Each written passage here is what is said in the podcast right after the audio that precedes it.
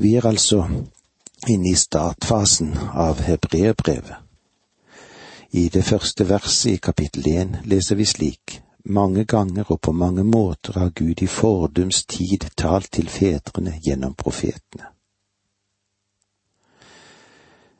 Det som vi kan slå fast her, er at du kan bevege deg videre og bevise hva du vil, men i brevet til hebreerbrevet, til hebreerne, slik som vi òg kan se første Mosebok, så gjøres det ikke noe forsøk på å bevise Gud. Begge går ut fra at det er én Gud. Bibelen prøver ikke å bevise at Gud er til. Det finnes mange forsøk gjennom tidene på å iallfall forsøke å bevise Gud. Og like mange filosofiske systemer er forlatt. Jeg kjenner til en hel del av de såkalte gudsbevisene, som vi også lærer om i vår teologiske utdanning. Og eh, de har alle sine ufullkommenheter som ikke gjør dem duelige som gudsbevis. Det er bare som menneskelige gudsantydninger. Det er noe galt hvis du og jeg ikke kan gå ut og se på fjellene, eller gå ned på strandkanten og se havets endeløse vidder se opp imot himmelen og erkjenne at det er én skaper. Eller slik som det står i Salme 19.1. Himmelen forkynner Guds herlighet. Hvelvingen forteller om Hans henders verk. Om det skapte univers ikke sier noe til deg om en skaper, så undrer jeg meg på om det ikke er noe galt med din tenkning. Det var en ung mann som en gang sa det på denne måte om en ateist. Pastor, han spiller ikke med full kortstokk. Det er dåren som sier dette i sitt hjerte, at det er ikke noen Gud. Den andre forutsetningen i brevbrevet 1.1 er at Gud har talt. Når vi er våkne for at Gud er en intelligent person, og at han har gitt mennesket en viss grad av intelligens, om vi da ikke allerede har tatt en åpenbaring av og fra ham, så ville jeg ha foreslått at vi hadde ventet på den. Det er bare logisk at skaperen ville prøve å få budskapet gjennom til oss. Gud har kommunisert med oss og den åpenbaringen har vi gjennom det gudsinspirerte ordet. Det første verset i hebreerbrevet forutsetter at skriftene vi har, de er guddommelig inspirert. Og den åpenbaring han henviser til, er åpenbaringen i Det gamle testamentet slik som vi har det i dag. Dette brevet er skrevet av en som var mester i det greske språk. Her er en mykhet og her er en skjønnhet i det som ikke han får alltid godt nok frem i den norske oversettelsen og i mange oversettelser. Helt i åpningen av denne boken finnes det et ordspill. Ordet for mange ganger er på gresk polymeros, og ordet for mange måter er polytopos. Legg merke til skjønnheten og klangen i disse ordene. Det er nesten som poesi. Ja, det er mer enn poesi. Det er et veldig utsagn og en veldig påstand. Mange ganger taler ikke om en tid som vi tenker den på. Vekten ligger og ligger på at Gud talte til Moses. Men før det talte han til Abraham. Åpenbart talte han til Abraham gjennom drømmer, og ved å sende sine engler til ham. Men da han talte til Abraham, sa han ikke det samme som han sa til Moses. Gud sa ikke noe i det hele tatt til Abraham om loven. Han ga ikke ham de ti bud. Men senere så ga jo Gud Moses de ti bud. Og enda senere så sa han til David at det ville komme en konge i hans ettlinje som skulle være frelseren. Og da David var en gammel mann, sa han at Der i hans etterlinje ville det komme en konge som skulle være hans frelser. Gud ga ikke Moses den informasjonen. Han sa ikke noe om dette til Abraham heller. Faktisk så ga Gud Moses en lov som fortalte at Israel ikke skulle ha en jordisk konge fordi Gud skulle være deres konge. Gud kjente menneskehjertet, og tiden kom da Israel ville være som alle de andre nasjonene rundt seg og ha en menneskelig konge. Gud handlet på en forunderlig måte i denne tid. Han innrømmet dem anledningen til å ha en konge, selv om deres sjel ble svak. Og det brukte han som en anledning til å føre Messias, frelseren, inn i verden. Dette første verset forteller oss at Gud ikke ga hele sin sannhet til Abraham, men la deler til ettersom han talte til forskjellige menn til forskjellige tider og da tidens fylde kom, sendte Gud sin sønn. Det er en utvikling av sannhet i Bibelen. Og på mange måter betyr at Gud brukte forskjellige veier for å kunne kommunisere. Han åpenbarte seg i drømmer for Abraham, men han ga Moses loven. Senere ga han Josva visse løfter. Han talte i drømmer, han talte gjennom loven, han talte gjennom modeller, han talte gjennom ritualer, han talte gjennom historien, han talte gjennom poesi, og han talte ved profeti. Og fremst talte han vel gjennom ofrene som Israel fikk å bære frem. Han brukte alle disse forskjellige måter å nå mennesket på over et langt tidsrom. Han brukte ca 45 forskjellige skribenter skrifter og kommuniserte sitt ord over en periode på omkring 1500 år. Så hebreerbrevets forfatter sier noe som dekker en veldig utvikling og en dypt pløyende fostring. Har du noensinne stoppet og tenkt på at hele denne store gruppen av forfattere i seg selv gjør Bibelen til en særegen og spesiell bok? Shakespeares forfatterskap var stort, i alle fall på det menneskelige plan. Men han var en eneste forfatter og godkjente ingen andre til å skrive for seg. Han satte ikke noen av sine arbeider, arbeider bort for at noen andre av hans medarbeidere skulle gjøre noe, for da ville ikke det være Shakespeare lenger. Men ser vi på Bibelen, så brukte Gud mange forskjellige mennesker som forfattere til skriftene. Han brukte menn med forskjellig bakgrunn, med forskjellige evner, og de hadde forskjellige muligheter. En av dem, Simon Peter, kanskje han ikke var så ordrik, men Gud brukte Peter. Forfatteren til hebreerbrevet var en mester i det greske språk. Da Paulus skrev til galaterne og til korinterne, så brukte han et klart hverdagsgresk. Han brukte det språket som mennesker. Han eh, visste det de brukte til daglig. Paulus reiste mye og kjente til folket sitt språk og språkbruken. Men andre deler av hans skribentvirksomhet vitner om en høybåret gresk med utrolig stor skjønnhet. Dette brevet som vi nå har foran oss, åpner en mekt, på en mektig måte det mektigste av alt, Gud.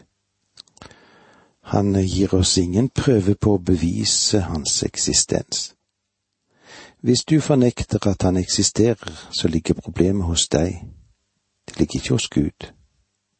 Så mange små mennesker som bærer ærerike titler som andre små mennesker har gitt dem, benekter at Gud eksisterer og eh, min tanke kommer da frem, hvem tror de at de er?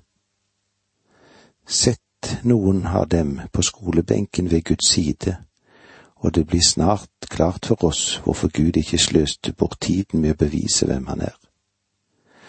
Om et menneske skal komme til Gud, så må det mennesket først tro at Gud er Gud. Det var så langt vi kom i dag. Takk for nå, må Gud være med deg. Dette undervisningsprogrammet består av to deler. Åge Nevland fortsetter nå med andre del av dagens undervisning. Vi er i begynnelsen av hebreerbrevet. Vi vil se litt hvilken betydning det første verset har for oss. Mange ganger og på mange måter har Gud i fordums tid talt til fedrene gjennom profetene. I fordums tid talt til fedrene. Hvem er disse fedrene som nevnes i dette verset, tro? Det er Abraham, Isak, Jakob, Josva, Moses, David, Jesaja osv. Dette er fedrene, men de er ikke mine fedre. Og eh, kanskje de heller ikke er dine fedre. Det er åpenbart at dette ble skrevet til mennesker som kunne kalle Abraham, Isak og Jakob deres fedre, noe som er grunnen til at dette brevet kalles brevet til hebreerne. Men eh, han er også hedningenes gud, og det skal vi være takknemlige for talt til fedrene gjennom profetene. En profet er en som taler for Gud, og ved at han talte for Gud, kunne han tale om ting som skulle hende i fremtiden. Gud talte gjennom mange menn som var profeter, og de var veldige menn med veldige budskap. Og det tok hele raden av dem for å knytte sammen og gi oss Det gamle testamentet men det beste som kunne sies om dem, er at de bare ga oss en del av åpenbaringen. Men nå vil vi se at Gud også har gitt oss sitt endelige ord. Det fullstendige, det tilstrekkelige, det troverdige, det har Han gitt oss gjennom sin Sønn. Vers to i Hebreerbrevet 1. Men nå, da de siste tider er kommet, har han talt til oss gjennom Sønnen. Ham har Gud innsatt som arving over alle ting, for ved ham skapte han verden. Nå har Gud talt sitt avsluttende ord til oss gjennom sin sønn. Ja, bokstavelig talt talt til oss i Sønnen. Eller som doktor Westcott formulerte det, Gud talte til oss i en som har karakteren at han er en sønn. Gud har talt gjennom sin sønn. Om ham nå talte fra himmelen i dette øyeblikk, så ville han ha gjentatt noe av det han allerede har sagt. Fordi vi har det siste ordet fra Gud til verden i Jesus Kristus. Da de siste tider er kommet, har han talt til oss. Dette oss er meget viktig, og henviser til de samme som har talt gjennom profeten i Det gamle testamentet, de troende hebreerne. Du husker at Faderen talte gjennom skyen og sa, Dette er min elskede i hvem jeg har velbehag, hør ham, som det står i Matteus 17,5 fordi Faderen har gitt sitt siste ord i den Herre Jesus Kristus, så er det det siste ordet for deg og for meg. Sønnen er den som står for oss, som Guds avgjørende budskap har talt til oss. Talt til oss gjennom Sønnen. Derfor står Kristus over alle forfattere i Det gamle testamentet og over alle profetene fordi all åpenbaring finner sin oppfyllelse i ham. Han fullbyrder alt i Det gamle testamentet og kan selv gir Guds avgjørende ord til mennesket. Som Kristus Jesus sa da han var her for snart 2000 år siden, Han, Den hellige ånd, skal ta av mitt og forkynne dere og det betyr at Guds ånd, som talte gjennom Johannes og Jakob og Lukas og Paulus og Peter og de andre skribentene i Det nye testamentet, har gitt oss en hel og full åpenbaring fra Gud. Her møter vi nå altså Sønnenes overlegenhet i syv uttrykk som ikke kan måles med noe annet. Den første delen er program for fremtiden. Ham har Gud innsatt som arving over alle ting. Det Herren Jesus Kristus er, han er arving over alle ting. Men dette reiser et spørsmål. I Johannes 1,3 leser vi Alt er blitt til ved ham, uten ham er ikke noe blitt til av alt som er til.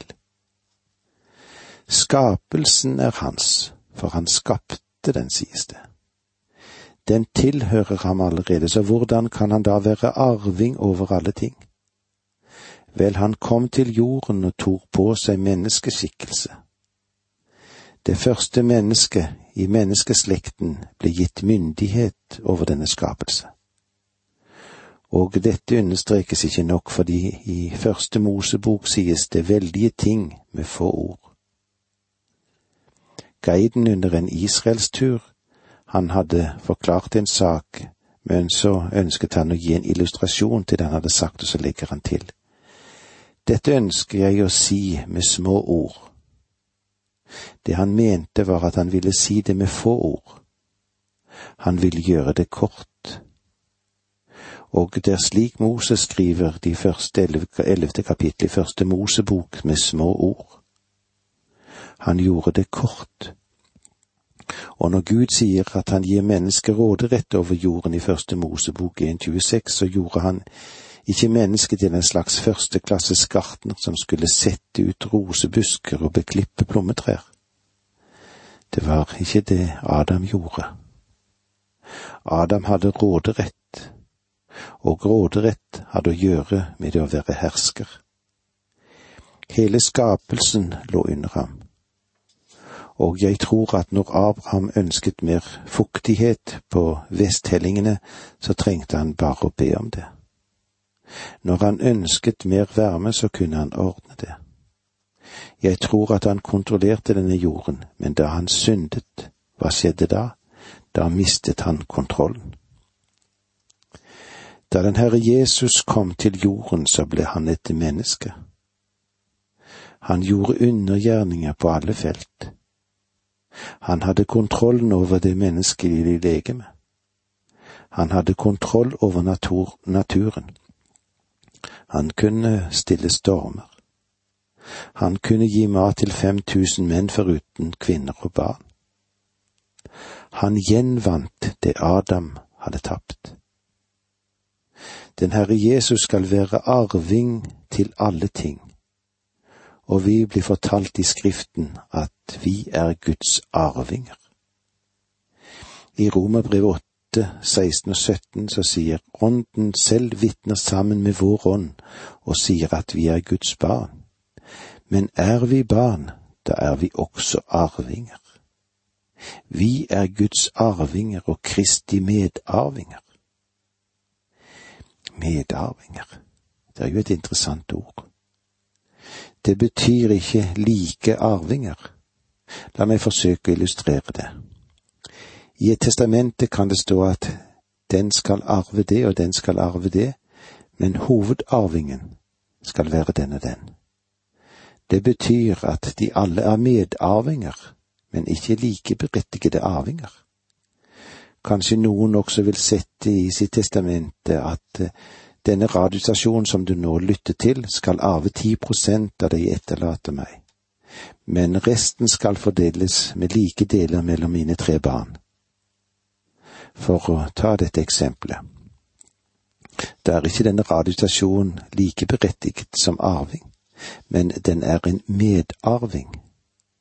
Vi er medarving, det betyr at noen, noen annen har kontroll over arven og de avsetter bare en viss del til hver sin del som de har rett til. De har hånd om eiendommen. Vel, den Herre Jesus Kristus er arvingen, og vi er bare medarvinger. Han skal ha kontroll og gjøre sin fordeling. På den måten er vi medarvinger med Kristus vi har en arv som er ukrenkelig, usmittet, som ikke kan forringes, og er lagt opp for oss i himmelen. Vi har denne arv på grunn av alt det vidunderlige Herren har gjort for oss. Han gjenvant det Adam tapte, og mer enn det. Han har gjort oss til medarvinger med seg selv. Kristus er den som skal arve alt. Så langt jeg vet, var ingen profet i Det gamle testamentet noensinne i den situasjon eller i nærheten av dette å arve det samme som Kristus. Du skjønner at forfatteren av dette brevet vil vise oss at Kristus står langt over profetene. Det var så langt vi kom i dag. Takk for nå, må Gud være med deg.